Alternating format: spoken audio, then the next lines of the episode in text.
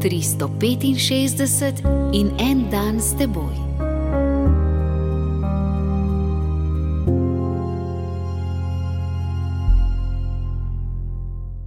Iz apostolskih del, 16. poglavje, 14. in 15. vrstica.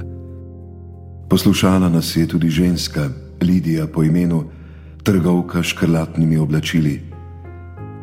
Ko se je dala krstiti ona in vsa njena hiša, nas je povabila z besedami: Če ste prepričani, da verujem v Gospoda, stopite v mojo hišo in ostanite tu.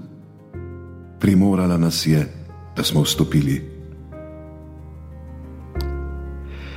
Po izročilu naj bi bil Luka ne samo evangelist in zdravnik, temveč tudi slikar.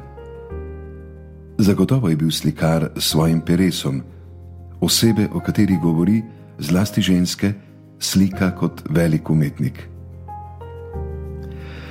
Pavel na svojih nenehnih potovanjih ni hotel biti nikomor v breme, zato je nerad ostajal kot gost po domovih drugih ljudi. Rajši se je vzdrževal z delom svojih rok.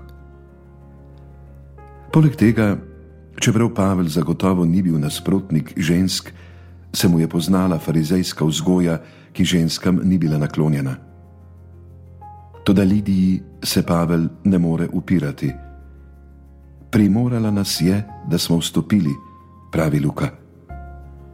Ta primorala nas je, ki nam postavi pred oči zelo živahen in simpatičen prizor, je veličastna upodobitev ženske in njej lastnih značilnosti.